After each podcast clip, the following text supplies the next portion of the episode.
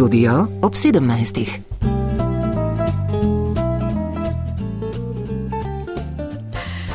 Lepo pozdravljeni. V zdravstvu danes vse teče po ustaljenih tirnicah. Za danes napovedana stavka zdravnikov je bila namreč tri ure pred začetkom preklicana.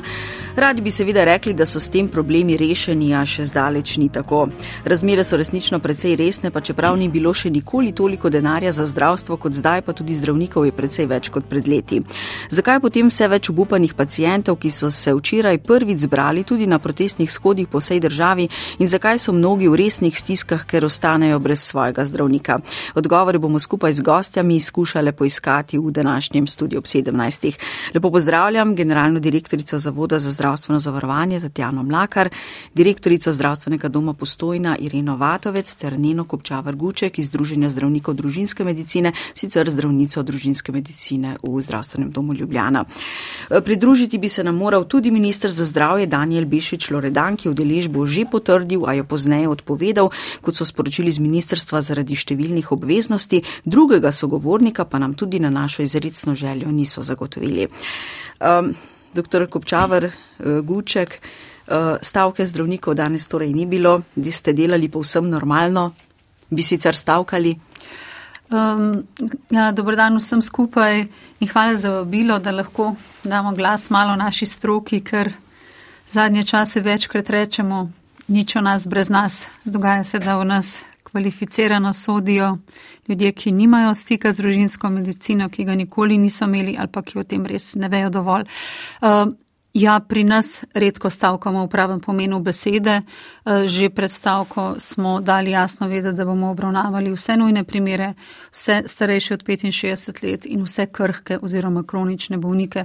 Tako da je nabor tistih, ki jih ne bi obravnavali, zares zelo, zelo majhen. Eh, sama sem predvidevala, da me boste vprašali. Danes sem imela 88 kontaktov, v ponedeljek pa 112 obravnavanih pacijentov na različne načine.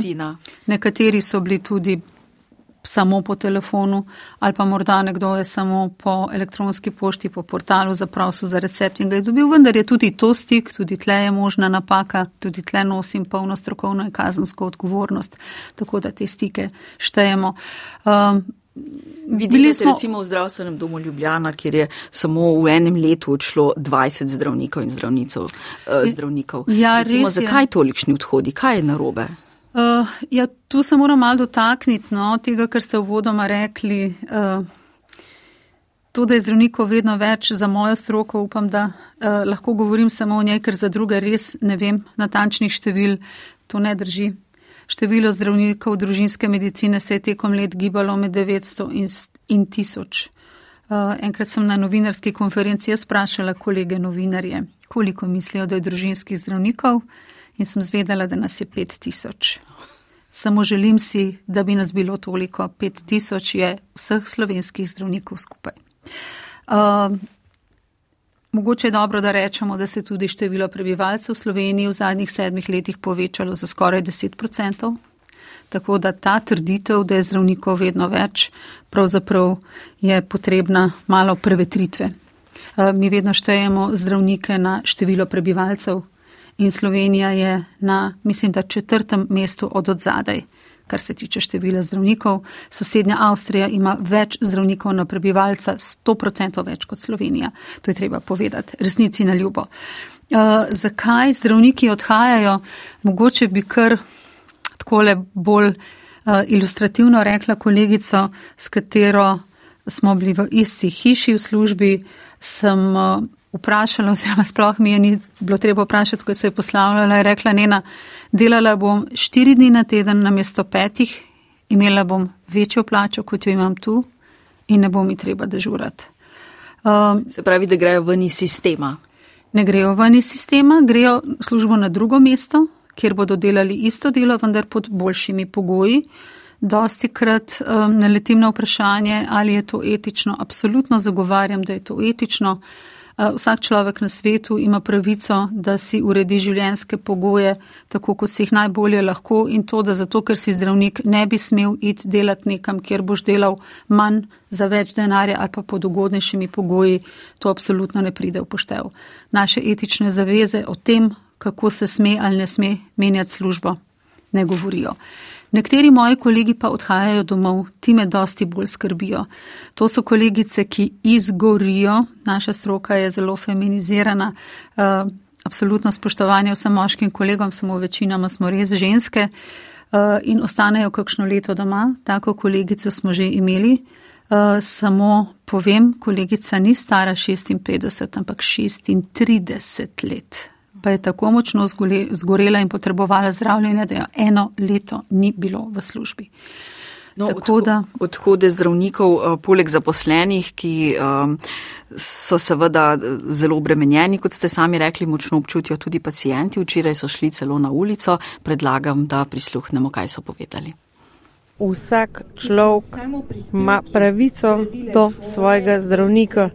In to, kar se zdaj dogaja, to je groza, to je nepopisno. Mislim, in mislim, da tle sploh se te ne bi smeli niti pogovarjati, da mora biti zdravstvo v enaki meri dostopno za vse. Čim prej, čim prej narediti nekaj. In ni treba ne na Finsko, ne na Švedsko, ne na Dansko. Lahko grejo v bivšo jugo, pa bi videli, kaj treba narediti. To.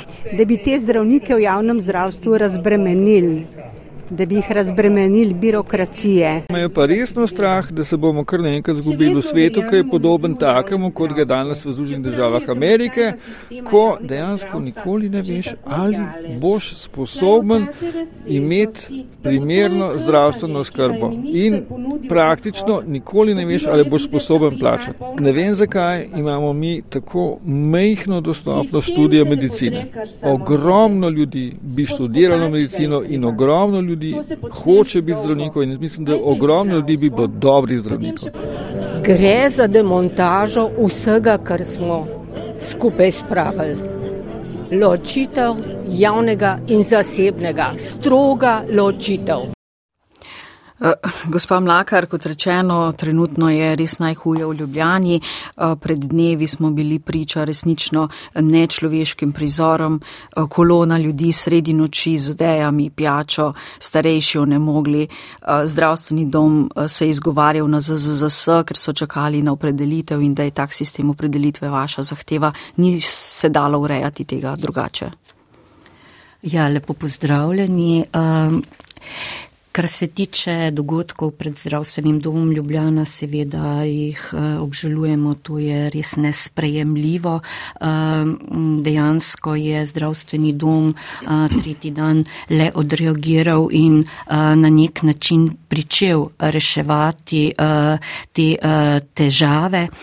Kar se tiče opredeljevanja izbranih osebnih zdravnikov, če govorimo samo o postopku opredeljevanja, opredelitve, se pravi pri zdravniku, je to uh, model, ki pač funkcionira že uh, kar dolgo in do leta 2019 praktično pri tem ni bilo težav, celo zdravniki so želeli, da zavarovana oseba, ko uh, se pride opredeliti, da se tudi uh, zdravnik z njo pogovori, da se uh, skupaj odločita o uh, opredelitvi. Uh, v vsakem primeru pa Zavod za zdravstvo zdravstveno zavarovanje Slovenije ne zavrača tudi možnosti elektronske opredelitve, vendar uh, pri tem moramo biti, uh, moramo biti um, uh, mislim, da predvsej previdni, uh, predvsem zaradi tega, ker uh, m, z digitalizacijo včasih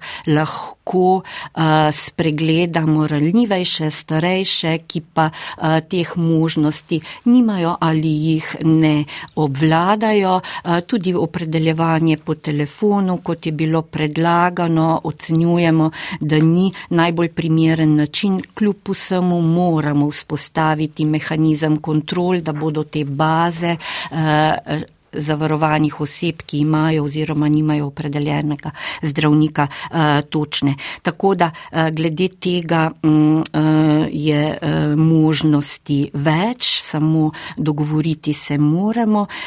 Kar pa se tiče zdravnikov in eh, možnosti širitev programov družinske medicine, moram ponovno izpostaviti, da pri tem eh, dejansko finančna sredstva niso ne, problem. Mi smo imeli vsako leto in bomo imeli eh, tudi vnaprej možnosti podeliti večje število programov družinske medicine, lansko leto 73, a smo jih uspeli skleniti pogodbe samo samo z dobrih 20-23, kar pomeni, da gre za neko težavo a, strateškega načrtovanja, izobraževanja oziroma a, pridobivanja a, m, a, kadra, se pravi nosilcev ambulant družinske medicine. Zaradi tega smo poleg mnogih ostalih predlogov že v letu 2021 Zavod za zdravstveno zavarovanje Slovenije skupaj za skupino skupino, v kateri so bili predstavniki uh, zdravstvenih domov, predstavniki m, družinske medicine, oblikovali nabor uh, predlogov, kako na kratek rok rešiti že takrat detektirano vrenje na področju družinske medicine. Med drugim smo takrat predvideli tudi možnost, da začne v ambulanti delati skupaj skupina specializantov v tretjem letniku. To ni bil predlog Zavoda za zdravstveno zavarovanje, to je bil predlog specializantov samih in, in mladih zdravnikov. Eh, mi smo se takrat za zbornico, zdravniško zbornico o tem celo dogovorili. Predlog je bil že uvrščen v spremembo zakona o zdravstveni dejavnosti, pa potem po nekem um, spletu okoliščin tudi umaknjen, kar pomeni, pomeni, da uh, imamo zdaj te težave, uh, uh, kot jih imamo, uh, v kontekstu katerih pa trenutno sedaj prav o tem razmišljajo, ne, kako vključiti tisti kader, ki ga imamo, kajti uh, uvoz kadrov, pridobivanje kadrov na kratek rok je nemogoče. Ne, se pravi, uh, s tistim, kar imamo, moramo pač zagotoviti uh, čim bolj optimalno delovanje. Pravi tu še vedno med stroko precej pomislekov. Uh, gospa um, Vatovec, vi ste direktorica zdravstvenega doma postojni, pravite, da imate za zdaj dovolj zdravnikov kako jih vi uspete eh, zadržati. Očitno namreč ni vse v zakonodaji in v plačah. Uh, ja, dober dan, pozdravljeni vsi skupaj.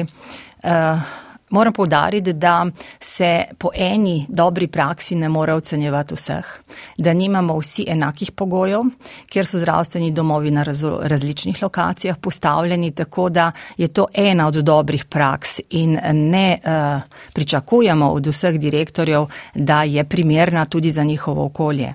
Torej, sreča postojne je, da ima blizu Ljubljano, da smo dovolj veliki in imamo zelo ustrezne prostore že 30 let, se pravi dovolj, da lahko ima vsak zdravnik tudi svoje prostore, da smo na taki lokaciji, da je bila določena eh, točka za nujno medicinsko pomoč.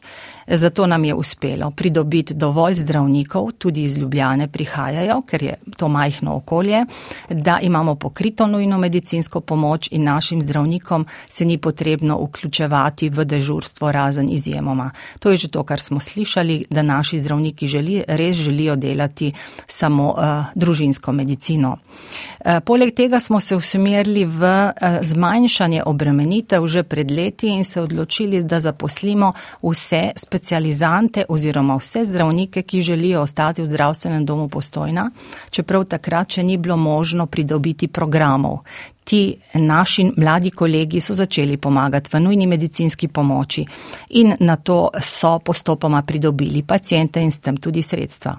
Omogočali smo fleksibilen delovni čas, se pravi, lahko prihajamo nekaj kasneje v službo, spoštujemo samo ordinacijski čas. Eh, sprejeli smo eh, zdravnice, ki so želele delati samo štiri dni v tednu ali skrajšan delovni čas po porodniški, eh, seveda za ustrezno manjše plačilo, ne tako kot se zdaj dogaja pri zasebnikih. Predvsem smo vse čas gojili in pazili na izredno dobre medsebojne odnose, sprotno reševanje problemov, kar je morda v manjših kolektivih lažje. In pa bili smo učna baza od začetka, odkar je specializacija družinske medicine in eh, na ta način vzdrževali tudi kar visok nivo strokovnosti in omogočali delno tudi sodelovanje pri raziskavah oziroma na teh področjih, kar mlade zanima, se pravi ne samo v eh, stroki, ampak tudi v, na znanstvenem področju. Tako da koncept je dokaj širok, res pa je, da imamo zaledje, prihajali so kolegi eh, iz Ljubljane, jaz sem na katedri za družinsko medicino tudi promovirala naš poklic in tudi vabila kolege naj pridejo poizkusiti delo pri nas in nekaj od njih se je odločilo, da so tudi več kot šest, tudi deset let se vozili v postojno na delo. Zdaj smo pa v podobni situaciji kot si ostali. Trenutno imamo dovolj zdravnikov, ampak nič rezerve. Na ministrstvu vse skozi povdarjajo, da so za zdravstvene domove in za njihovo delovanje odgovorne občine, torej lokalne skupnosti. Um, kakšno podporo imate vi konkretno recimo strani občine? Zdaj, um, naši ustanovitelji sta dve občini in moram reči, da imam uh, dobro podporo. Uh, morate se pa zavedati, da znanja o tem, kaj je primar kot uh, sistem na občini, nikjer nimajo.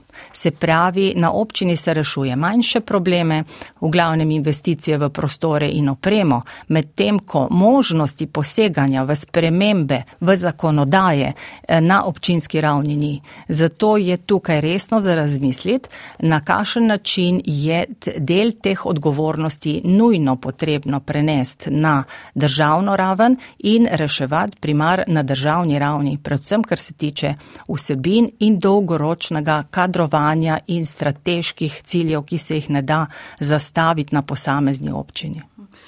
Doktor Kopčavarjeva, v mestnem svetu, recimo v Ljubljani, že zahtevajo razrešitev direktorice zdravstvenega doma Ljubljana Antonije Popla Susič. Menite vi, da bi to rešilo celo situacijo v Ljubljani? Um, moje gledanje je, da pravzaprav mogoče Ljubljana ima bolj izražen problem pomankanja družinskih zdravnikov. Uh, morda tudi zato je bila udeležba na včerajšnji stavki pacijentov, shodih pacijentov v Ljubljani največja in tudi statistični podatki tako kažejo, da je um, manjko zdravnikov v ljubljanski regiji največji. Uh, jaz bi vseeno rada razširila to uh, dogajanje na evropsko raven. Uh, pred kratkim sem brala podatke iz Francije, tam je šest milijonov ljudi brez osebnega izbranega zdravnika. Ne mislim zmanjševati slovenskega problema, samo želim pokazati, da pogledamo malo še čez planke, kot se temu reče. Uh, in tudi tam imajo strahoten odtok kadra v sosednje države. Um, podatki so bili za občino Mec, ki je na meji z Luksemburgom. Razmere za delo so v Luksemburgu dosti boljši in francozi masovno izgubljajo zdravnike, ki jim bežijo čez mejo. Uh, mogoče bi se tle dotaknila uh, izjave, ki smo jo slišali, da večji upis študentov na medicinsko fakulteto pomeni več zdravnikov za Slovenijo. To absolutno žal ne drži. To trditev moramo izvati. Če jih uh, upišemo več, jih bomo mi, ki smo fakultetni učitelji, imeli več, jih več naučili. Eh, več diplomantov bomo tudi na mara imeli, samo dotok, dotok zdravnikov v slovensko področje, sploh pa na področje družinske medicine s tem absolutno ni zagarantiran. Tudi nam bežijo zdravniki v tujino. Tako da, če se vrnem na vaše osnovno vprašanje, ali bi zamenjava vodstva v Ljubljanskem zdravstvenem domu pomenila boljše razmere, je to vprašanje in izziv tudi za me in to je odgovor, ki ga nimam zato ker se razmere, če jih še malo razširimo, tudi čez Atlantik širijo v Kanado, tudi tam so strahotne razmere. Tako da mislim, da je nekje globalno dogajanje na polju primarja eh, trenutno zelo živahno in zelo velik izziv povsod. Seveda rešujemo pa to vsak po svoje v svojih okoljih, ker imamo različne razmere. Gospa Mlakar, bi mogoče bile trenutno rešitve um, eh, razširitev koncesij oziroma še več koncesij v Ljubljani? Um, Po mojih informacijah razpis koncesije trenutno objavljen, vendar problem pri razpisih koncesij je, da je pač bazen potencijalnih kandidatov takšen, kot je. Zdaj, če se na koncesijo prijavi nekdo iz ne vem, enega drugega zavoda, potem nastane problem tam. Tako da z tega vidika je stvar verjetno treba dobro premisliti v vsakem primeru pa eh, morda je koncesijska dejavnost tista, ki lahko lažje obvladuje, organizira, spremlja eh, izvajanje dejavnosti kot pa v nekem večjem zdravstvenem domu, kar je morda prednost ob dejstvu, da mi vedno poudarjamo, da v javnem zdravstvenem sistemu, ki ga zagovarjamo in ga želimo ohraniti, bi bilo prav, da imajo vsi uh, izvajalci enake pogoje za delo. Sedaj pa vemo, da pač zdravstveni domovi delajo zakonu, tako drugače, kot lahko delajo koncesionari, kjer je možno delati mogoče bolj učinkovito, plačevati, nagrajevati po učinku, a ne. E, zaradi tega v javni zdravstveni sistem tudi z veseljem vabimo vse samoplačnike, vendar e, vsak sistem zahteva neke, neka pravila igre in e, to je dejstvo. Ali drži tudi, da lahko recimo zdravniki delajo uh, kot zasebnik, tudi če nimajo koncesije? Recimo, da imajo opredeljene pacijente v zdravstvenem domu in potem uh, sklenejo, ne vem, ali delajo preko SP ali pa sklenejo pogodbo. Ja, eh, zasebniki z nami ne sklepajo pogodbe, ne? Zdaj, če sklepajo pogodbe z uh, uh, izvajalci v sistemu, je to verjetno možno. Za nami zasebniki, čisti zasebniki ne sklepajo. Koncesionari pa imajo z nami enak pogodbeni odnos kot uh, vsi ostali javni zdravstveni zavodi. Za hitro gašenje je ministrstvo uvedlo ambulante za neopredeljene. Po vsej državi naj bi jih bilo 94.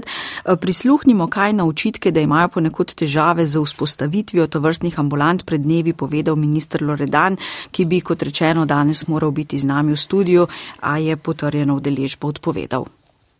Mnogi zdravstveni domovi bodo brez težav organizirali ambulante za neopredeljene. Interes je. Ključno je, da pacijenti pridejo v zdravstveni dom do storitve, ki jo potrebujejo in je ta popolnoma enakovredna, kot bi jo opravili pri izbranem osebnem zdravniku. In veliko zdravstvenih domov bo tako ambulanto organizirano, veliko zdravstvenih domov nima težav, zanimivo, zdravniki z neopredeljenimi pacijenti, ki na temu delajo že dolga leta. Rešitve so, v različnih delih države so pozitivno sprejete, v nekaterih delih negativno sprejete. Naša naloga je, da pri tem ustrajamo, lahko jih bo manj, lahko jih bo več, še enkrat vse te stvari bomo na tedenski bazi popravljali, če bo potrebno. Ko smo dali ta navodila, vam smo videli, da smo pozabili na upokojene zdravnike, Dovolili bomo tudi delo specializantom tretjega in četrtega letnika družinske medicine. Uh, mi si želimo, da zadeva zaživi, potem bomo pa videli z povratnimi informacijami, koliko jih uh, lahko razširimo. Dr. Vatovčeva, minister je rekel, da mora biti obravnava popolnoma enaka tistim, ki imajo svojega zdravnika. Kaj pa recimo preventivni programi? Kdo bo te bolnike napotoval na preventivne programe, če bodo morali, če bodo vedno imeli enega drugega zdravnika, ki jih bo obravnaval? Torej, če bi jaz na kratko povzela prakso iz našega zdravstvenega doma, ker sicer trenutno nimamo potreb po taki ambulanti, sem uh, naredila anketo med kolegi, eh, kdo bi želel delati v tej ambulanti in se ni javil nihče. Eh, seveda z argumentom, da smo že obremenjeni, tako kot vsa leta, približno 130 procentno, kar pomeni, da ni več energije, niti časa, niti volje za dodatno delo. Lahko bi jih prepričala, da bi se vključili v to ambulanto samo na etični ravni. Se pravi, če bi se dogovorili, pogledajte, ljudje so na cesti, nekaj moramo storiti, če jih ne želite opredeliti, prosim, sodelujte, ampak to ni daleč od tega, da bi bil to motiv denar. Eh, kar se tiče enake obravnave, veste, da to po stroki ne zdrži takega mnenja, ker je prvič ne, ne eh, mogoče vzpostaviti en eh, zaupen odnos, ker je ta, v tej ambulanti lahko vsakič drugi zdravnik. Eh, in poleg tega bi bilo težko voditi eh, kroničnega bolnika. Čeprav, ko sem jaz razmišljala o tem konceptu, bi v to ambulanto vključila tudi referenčno sestro. Se pravi, če bi se lotili take ambulante, bi dala možnost sodelovanja tudi diplomirani medicinski sestri in na ta način bi zagotovili vsaj vodenje kroničnih bolnikov po enakih principih. Vsekakor pa nekega dolgoročnega trajnega odnosa med zdravnikom in bolnikom, ki ga vzpostavimo v ambulanti družinske medicine in v bistvu eh, planirati eh, zdravljenje posameznika v taki ambulanti izmenjavo eh, zdravnikov je seveda nemogoča. Eh, računati pa morate seveda, da tudi specializant še nima toliko znanja kot že zdravnik in predvsem tudi upokojeni zdravniki so morde kakšno novost pozabili, tako da kar se stroke tiče, gotovo ne bi bilo enako kot pri eh, zdravniku družinske medicine, ki dela v ambulanti. Eh, v Ljubljani je bilo odprtje ambulanc prva napovedano že za ta teden, no danes so sporočili, da je vse pripravljeno za odprtje sedmih ambulant, vendar čakajo še na ZZS, da uredi možnost opredelitve eh, pacijenta na posamezni ambulanti, ki se zatika. Gospa Mlakar, kdaj boste to uredili? Eh, nič se ne zatika zaradi tega, ker tudi za sistemsko umestitev neke nove dejavnosti je pač eh, potreben čas. Eh, mi vemo, da smo z izvajalci povezani z mm, online sistemom in danes po noči bo omogočena ta online dopolnitev, ki bo dejansko zagotovila možnost odpiranja teh ambulant za neopredeljene, do katerih pa smo bili tudi mi majčkano skeptični, tako kot je že povedala gospa Vatovec. Zakaj? Zaradi tega predvsem, ker pač ocenjujemo, da ne gre za sistemski ne, uh, ukrep, uh, ker ocenjujemo zaradi uh, drugačne obravnave, da bo ta obravnava manj kakovostna in nekoliko nas skrbi, da to ne bo, ne bo začasen, ampak. Uh, dolgoročnejši ukrep, hkrati pa uh, ocenjujemo, da tudi uh, predvideno nagrajevanje je že povzročilo nekaj napetosti, nekaj slabe volje, tako da uh, z tega vidika uh, v vsakem primeru pa smo vse, kar je potrebno in tudi že okrožnice in navodila uh, izvajalcem že poslali. Doktor Kopčavar Gučkova, vi boste delali v teh ambulantah?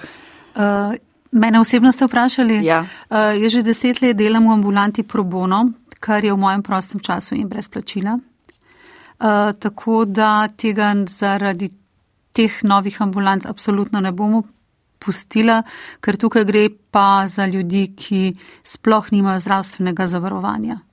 In to so ljudje, ki so absolutno tudi potrebni skrbi, tako da ravno na račun tega, da delam polno v svoji ambulanti in še v ambulanti pro bono, uh, sem ponudila, da bi lahko delala morda 4 ure na mesec, če bi bilo treba. Več kot to ne zmorem, tako sem se ocenila. Zdaj pa, če dovolite, da se navežem še na tisto, o čem ste govorili kolegica dr. Vatovec in uh, gospa Mlakar. Uh, vaše vprašanje je bilo, če se bo v teh ambulantah izvajala preventiva. Če dovolite, bi spomnila na čas korone, rečemo, da bi to čas izrednih ukrepov. Uh, takrat so vse naše diplomirane medicinske sestre ali pa rečemo referenčne sestre odšle iz naših ambulant, pobirale so brise, delale so na cepilnih točkah in vsa naša preventiva je zastala. Um, dovolite primerjavo s sedanjimi razmerami, tudi te razmere trenutno bi si dovolila oceniti kot izredne, preventiva je absolutna nadgradnja v zdravstvenem sistemu. Ne govorimo o tem, ali je potrebna ali ne. Absolutno je potrebna in zelo koristna. Samo o tem, da bi pa v teh ambulantah se izvajala še preventiva, pa mislim, da ni govora. Spremljanje kroničnih bolnikov, ja, da bi se pa izvajala preventiva. Ne samo spomnim, preventiva pomeni pregledovanje zdravih in asimptomatskih To se pravi, ljudi brez zdravstvenih težav in aktivno iskanje bolezni pri njih, absolutno to ne Se bo. pravi, obravnava ne bo enaka, kot bi bila, če bi imel svoje. Ne bo enaka, kot, je, kot bi bila, tudi med korono ni bila. In tudi imamo pomankanje referenčnih sester, v moji ambulanti je že dve leti ni, tako da jaz prosim referenčne sestre drugih ambulant, pacijenti, ki imajo izbranega zdravnika v moji ambulanti, tudi nimajo vsi. Skušamo to počasi nadoknaditi, kar se je zgodilo med korono, tako da to je pa res nekaj zelo visoka nadgradna, tako visoko bi rekla, da ne smemo segati, žal ne moremo. Ampak, če bodo recimo zdravniki tukaj zdaj dodatno delali ne, um, in pravijo, menijo, no, da lahko uh, še vseeno uh, delo obravnavajo varno, kvalitetno, zakaj potem teh ljudi ne opredelijo kot svoje pacijente? Uh, zdaj, kot že rečeno, kukor, uh, to je zelo odvisno, koliko pacijentov kdo ima, koliko dela, nekaj številk smo v tej oddaji že povedali, koliko obravnav imaš dnevno. Pa če pomislimo, da je v takih situacijah približno en procent napake, človeške napake, tako lekoč neugiben, potem ne bi mogla reči, da je to delo, ki je varno. Zdravniki zelo z obžalovanjem in strahom gledamo na sedanjo situacijo, z obžalovanjem zato, ker naši pacijenti nimajo take obravnave, kot bi jo lahko imeli, kot bi jo morali imeti, kot si jo mi želimo nuditi in kot jo mi znamo nuditi. Strahom pa ravno zaradi tega, ker trepetamo vsi pred strokovnimi napakami, se je že zgodilo, da smo dali slikati levo nogo na mesto desne. Seveda je to bilo na srečo pravočasno ugotovljeno. Se je tudi zgodilo, da je nekdo naročil štiri zdravila, pa je dobil samo tri recepte. Se je že zgodilo, da smo ga pri kakšni dozi zdravil polomili, tako da teh napak se strahotno bojimo in uh, ravno to, da se presodiš, da nisi sposoben delati, ti narekuje to, da se za tako delo ne opredeliš. Um, doktor Vatočeva, mislite, da se lahko zgodi, da bodo zdravniki uh, zaradi tega samo še več odhajali iz zdravstvenih domov, delali uh, raje v ambulantah za neopredeljene in da bo uh, teh neopredeljenih pacijentov še več? Vi, kot ste sami rekli, sicer tega nimate, ampak sicer na terenu se že govori, mislim, je že moč slišati nekatere koncesionarje, da bodo zaprli svoje ambulante, si poiskali nadomeščanje in potem delali v ambulanti za neopredeljene, kar je vendarle plača наша трикрат вища. Ja, jaz ocenjujem, če že se bo to zgodilo, bo kratkega roka. Vsekakor te ambulante ne bodo rušile sistemov oziroma privabljale masovno naših kolegov na drugo delovišče, ker se vsi zavedamo, da je to začasno, ker družinski zdravnik res želi delati z pacijentom dolgoročno, ker je to pač nas, naša družinska medicina in kot je kolegica povedala, želimo delati to, kar znamo, kar vemo in v teh ambulantah to seveda ne bo omogočeno. Tudi ne pričakujem, da bo to masovno in vprašanje, kako bodo zmogli, je z moje strani tako, da bo tam delal morda zdravnik specializant, ker nima toliko obremenitev, ali zdravnik, ki ima ravno polno glavarino in ne 130 odstotkov, ali tudi kakšen od zdravnikov, ki ima polno glavarino, ampak redko kdaj. Veste, ker nihče nas ne vpraša, kako zmoremo nadomestiti vse dopuste. Ker je ravno tako, da more en uh, zdravnik pokriti dve ambulanti, pa se nihče ne vpraša, če zmoremo in če smo utrujeni, in nadomeščati uh, in še dežurati v času dopustov, do katere imamo pravico, takrat od tega vprašanja ni. Kadar pa gre za vprašanje ali špekuliranje, da to počnemo zaradi denarja, takrat je pa vprašanje glede naše preutrujenosti. Celoten sistem nas sili v preutrujenost in večjo možnost napak. Recimo v tujini Danska ne zavaruje več zdravnika za napako pri 21. pacijentu tisti dan. To so oni ocenili, da po 20 pregledih zdravnik ne funkcionira več dovolj kakovostno in je možnost napak prevelika. Pri kateri številki smo pa mi?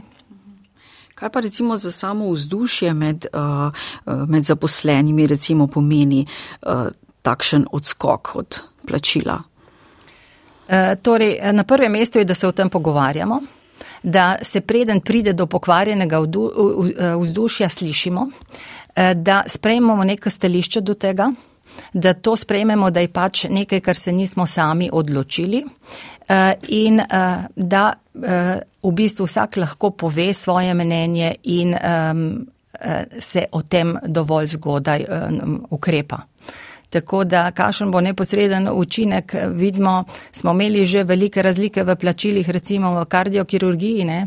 Kakšno je bilo vzdušje med ostalimi kirurgi, če to predolgo traja, sigurno ni učinkovito oziroma eh, bomo ustrajali na tem, da se približno izenačijo plačila, da niso preveliki od, eh, odkloni. Eh, Če je pa to nek kratkoročen uspeh eh, ali ukrep, ga pa seveda podpiramo. Raje za malo več denarja tem ljudem nuditi to, kar rabijo, ampak vsekakor ne sistematsko in ne dolgoročno. Seveda pa je celotno družinsko medicino treba reševati sistemsko, ukrepi se pričakujejo že več kot desetletje, tudi zdaj smo le še pri obljubah, prisluhnimo izjavi ministra. Rešitve so v različnih delih države so pozitivno sprejete, v nekaterih delih negativno sprejete.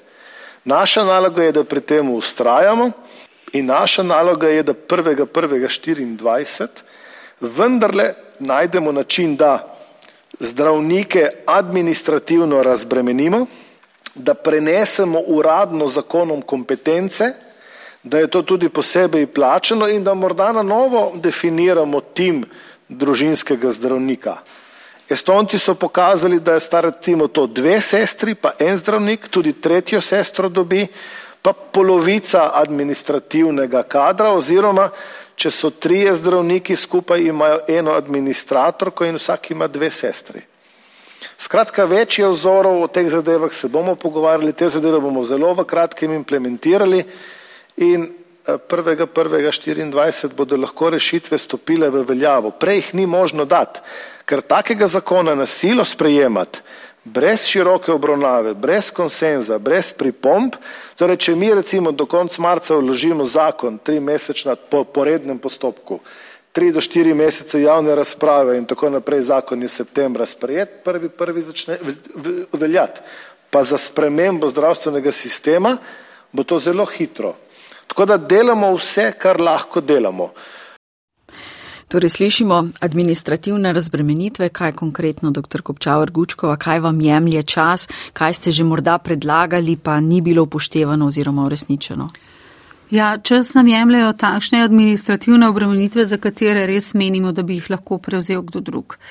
Pa če recimo vzamemo obrazec, s katerim pacijentom povrne zavarovalnica sredstva za prevoz do najbližjega izvajalca, pa recimo, da je to fizioterapija, jaz moram s podpisom jamčiti, pa nimam pacijentov samo z Ljubljane, da je ta fizioterapeut, kamor se je nekdo namenil, zagotovo najbližji od njegovega doma.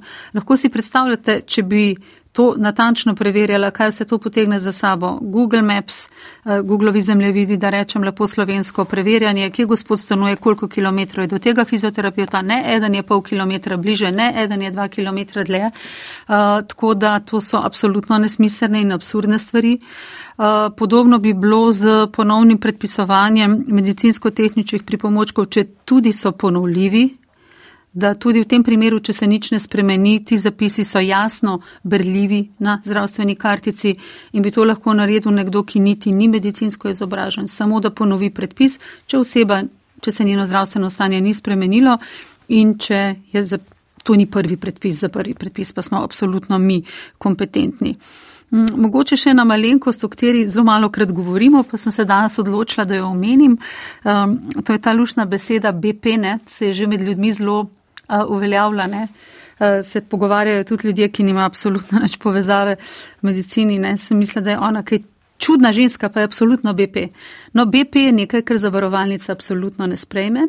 Če jaz napišem v obravnavo pacijenta koža BP, pa gleda, pregleda nisem naredila. Izvid mora biti opisan, to se pravi, koža je rožnata, primerno prekrvljena, brez bolezenskih sprememb, brez znakov poškodb in tako naprej. Ne?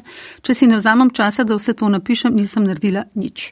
Tako samo kot ena mehna pikica na i. Uh, Veliko krat pa, to sem pa kolegom obljubila, nas pa malce razburi tudi to, kako je šifriranje diagnoz in beleženje diagnoz na sekundarju opredeljeno vizavi primarju.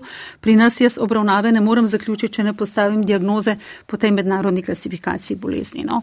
Uh, šifra, ne vem, za zvišan krvni tlak je I10 in tako jih enih 30 človek zna na pamet, ampak mi uh, bi rekel, človek operiramo verjetno s tisoč diagnozami. No, ko pa dobimo odpustnico z bolnišnice, kjer je nekdo bil deset dni, je bilo zelo veliko časa, da se preveri te diagnoze. Jaz, ko prijete vi z vrtoglavico, res ne vem še točno, kaj bi bilo, postavim delovno diagnozo, kakorkoli že.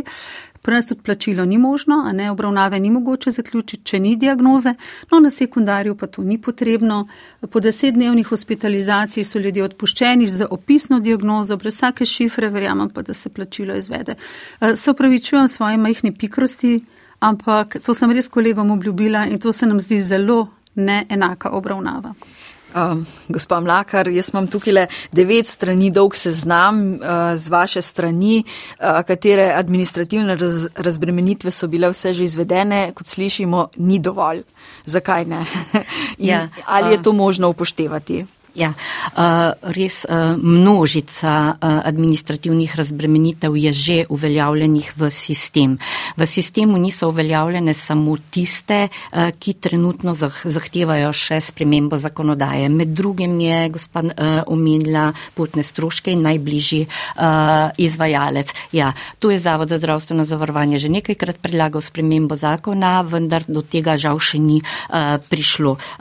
Potem, kar se tiče ostalih že uveljavljenih sprememb, eh, eh, gospa je omenila tudi, eh, tudi predpisovanje medicinskih pripomočkov, ta olajšava razbremenitev v sistemu že deluje. Naprimer, eh, obnovljiva naročilnica za medicinske pripomočke. Vendar ugotavljamo, da je v povprečju eh, izrabljena, uporabljena samo okrog 22 odstotkov v eh, zdravstvenem domu Ljubljana od 14 do 44. Šli smo prav gledat po ambulantah in celo potem izračunali, da bi, če bi zagotovili 80% uporabo te administrativne razbremenitve bi na nivoju Slovenije prihranili 140, obisk, 140 tisoč obiskov primerov eh, v zdravstvenem domu Ljubljana 8800.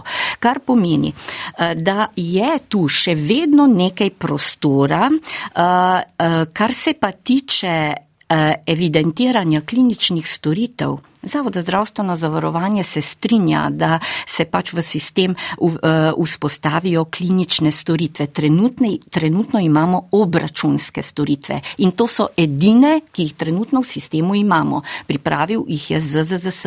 Torej, takoj, ko bomo te klinične storitve, seveda s pomočjo digitalizacije e-kartona, a ne vzpostavili, ni nobene težave, da jih bo ZZZS pre, uh, preslikal v obračunske in tudi vse vse te storitve plačal. V vsakem primeru pa moramo vedeti, da v vsakem poklicu, tudi v ambulanti, je pač treba svoje delo zabeležiti. Ampak se pa strinjamo, da naj bodo to pač klinične storitve, vendar Zavod za zdravstveno zavarovanje bo pomagal z uh, seveda pripravljenostjo medicinske stroke, da na tem področju uh, pač naredimo premik. Uh, zelo, zelo veliko težav imamo predvsem na teh digitalnih postopkih, postopkih v ambulantah, a ne želimo eh, e-karton eh, v okviru e-zdravja in napotovanje je tudi eh, za več ali manj težavami.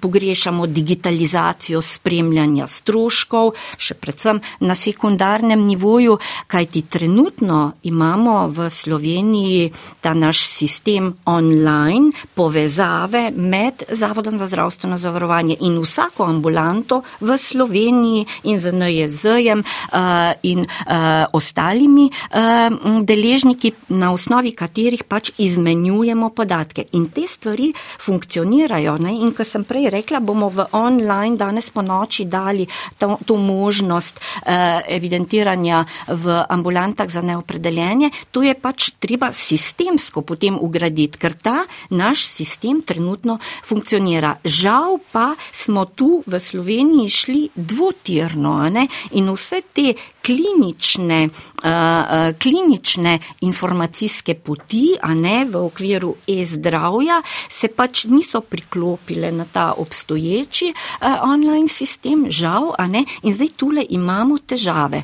In uh, prepričana sem, da bomo enostavno morali tule narediti velik korak naprej. Ja, minister recimo je v izjavi, če smo slišali, napovedal že administrativne razbremenitve in delne ukrepe s 1.1.2024.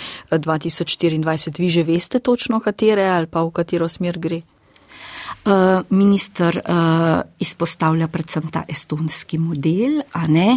Uh, preoblikovanja tudi Zavoda za zdravstveno zavarovanje Slovenije, česar se mi izjemno veselimo, ker bomo končno dobili tisto aktivno vlogo in pristojnosti, ki takemu fondu, kot je recimo estonski, pritiče, je pa potrebno, a ne, tulele izpostaviti, da je to povezano z kupom potrebne spremembe zakonodaje, v katero bodo vključeni tudi naprimer izvajalci, ki bodo morali ne, svoje storitve ne samo uh, primerno beležiti, ampak jih tudi spremljati. Mi, kar, uh, mi ustrajno izpostavljamo uh, merjene storilnosti, učinkovitosti in da, ko bomo vzpostavljali ta model estonski, mimo grede, po njem se je uh, zgledoval delovala že katera od prejšnjih vlad tudi, ne, eh, potem bomo morali, eh, bomo morali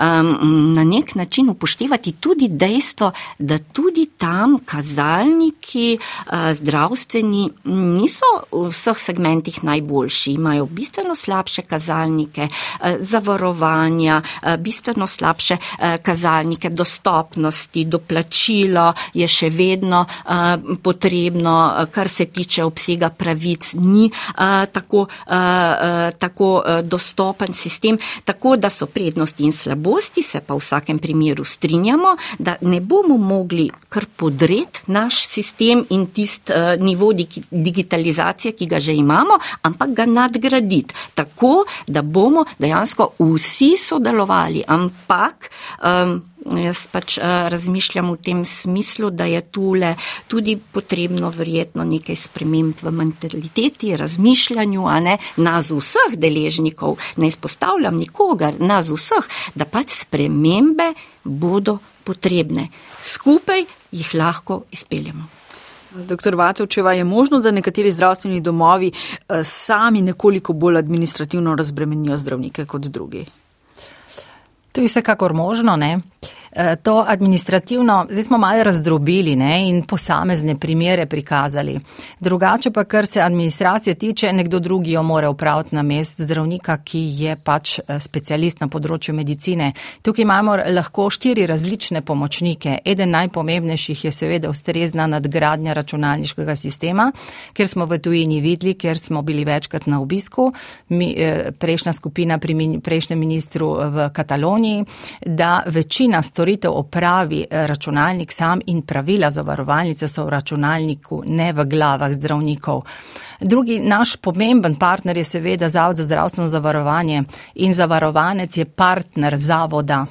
In kakšne pravice ima, je na koncu res zavod tisti, ki bi lahko razlagal, pri čemer bi zdravnik lahko samo indiciral, kaj ta pacijent potrebuje na osnovi katere diagnoze, ali mu to pripada, ne pripada, dokje, kdaj, kakšne so omejitve bi lahko izvajali administratori na zavodu. Eh, tak dober primer je recimo v Italiji, kjer je poseben inštitut, ki se s tem ukvarja, hkrati tudi svetuje pacijentom, eh, kam ob napotitvi, kam, komu, kdaj, na kateri naslov, skladno tudi z pravili. In seveda četrti so naši sodelavci. Ne želimo, da je to srednja medicinska sestra, ker naj dela strokovna dela, ampak administrator v hiši. Torej, na vaše vprašanje tudi lahko odgovorim. Eh, v naši hiši smo uvedli eno centralno administracijo že pred petimi leti eh, in sicer brez tega, da smo imeli zagotovljena sredstva, kjer smo skušali sestre, srednje sestre v našem timu razbremeniti administracije in jim naložiti strokovno delo, kar so z velikim veseljem sprejeli, čeprav je bilo tega strokovnega dela več in je bila tudi večja odgovornost. Se pravi, da se organizirati v različnih okoljih, različnih različno. Večji zdravstveni zavodi so organizirali tudi velike recepcije že ob prihodu v hišo, ki usmerjajo pacijente, kar si zelo želijo, ker računajte, vedno smo starejši ljudje so zbegani, če dobijo neposredno informacijo, kam zdaj, kako, na kakšen način v tem sistemu, kjer se zgubljajo, je to velika dodana vrednost. Tako da da se na lokalni ravni uh, marsikaj tudi na tem področju uh, urediti, uh, ampak to ni dovolj. Se pravi, rabimo sistemski prestop, tako kot sem rekla, na štirih različnih področjih, kjer uh, naj to počnejo ljudje, ki imajo izobrazbo, ki je za to potrebna in mi zdravniki naj delamo tisto, kar zdaj naši državljani najbolj potrebujejo. Se pravi, stroko, ukvarjajmo se stroko.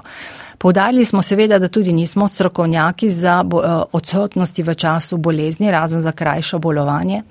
In želeli, da to prevzamejo naši kolegi, ki so za to izobraženi. Na ta način bi en velik del obremenitev prevzeli, se pravi, če bi vse to, kar sem naštela, prevzeli, lahko trdim, da bi posamezen zdravnik razbremenil kar je bilo merjeno teh administrativnih storitev približno za 30%. In zdaj si vi zamislite 30% več časa, kar bi v trenutku rešilo to, da lahko opredelimo tudi več pacijentov. Eh, gospa Mlakarjeva, um, kot je že rekla dr. Vatočeva, pa tudi pri nas danes eh, dopovdne na intervjuju na prvem, uh, je družinski zdravnik izjavil, da kar tretjino dneva mu včasih vzame pisanje bolniških odsotnosti. Uh, zakaj recimo ZZS ne more tega prevzeti? Um, v vsakem primeru. Uh, Dolgotrajni staležniki so uh, izjemno preč problem v Sloveniji, zato ima Zavod za zdravstveno zavarovanje že nekaj časa pripravljen predlog spremembe, za katere pa so potrebne tudi zakonske spremembe.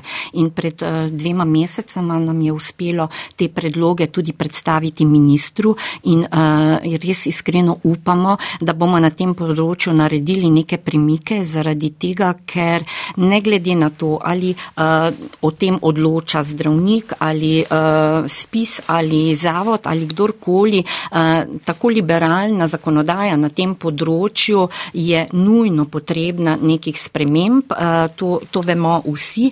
Uh, in uh, kar pa se tiče uh, teh dobrih praks, o katerih je bilo ravno kar uh, govora, tudi mi smo um, obiskali kar nekaj ambulant in videli, da se za primerno organizacijo da marsikaj urediti, uh, kar kar pomeni, da, mm, da je možno uporabiti tudi tistih, naprimer, 300 dodatnih administrativno-tehničnih kadrov, ki smo jih lansko leto v sistem na primarju dodali ravno s tem eh, namenom, eh, da bodo pomagali pri teh eh, administriranjih.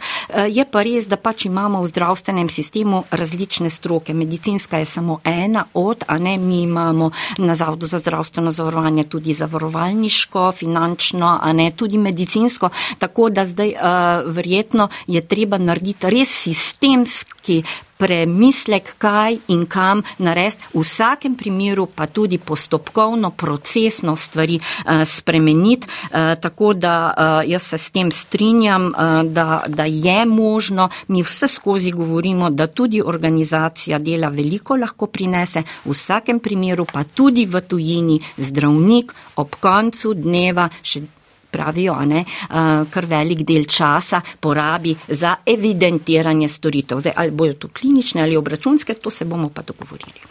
Pet minut še imamo do konca, tako da bi mogoče prosila za eno strnjeno misel. Veliko možnih rešitev smo nanizali v slabi uri.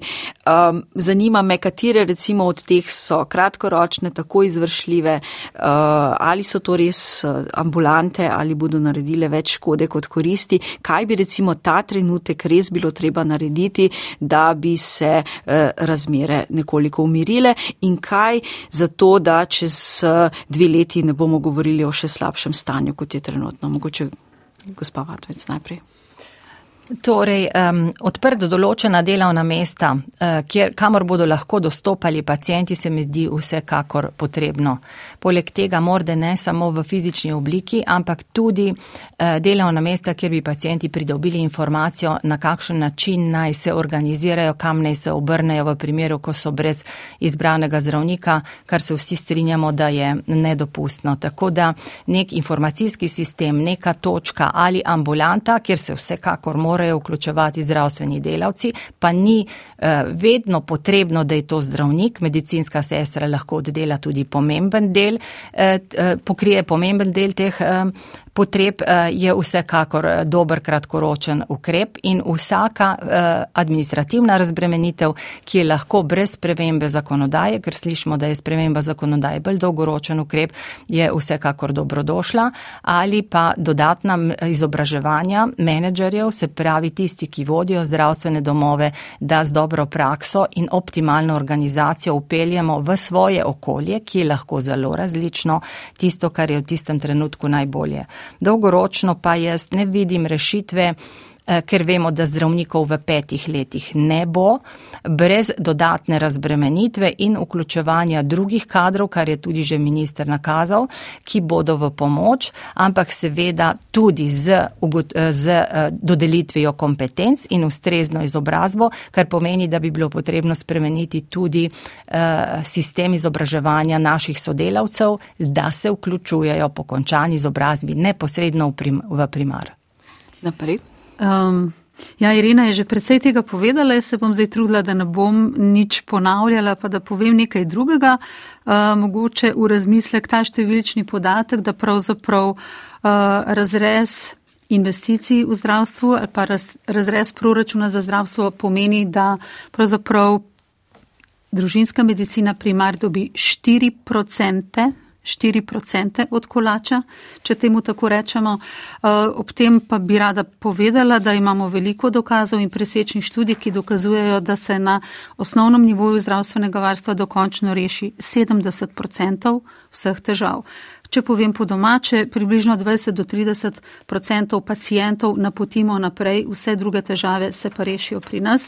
V primerjavi s tem, da je to 4 odstotke razreza zdravstvenega kolača, kjer bi mogoče lahko omogočili boljše razmere, lepše delovno okolje, nekaj, kar bo bolj vabljivo za mlade strokovnjake.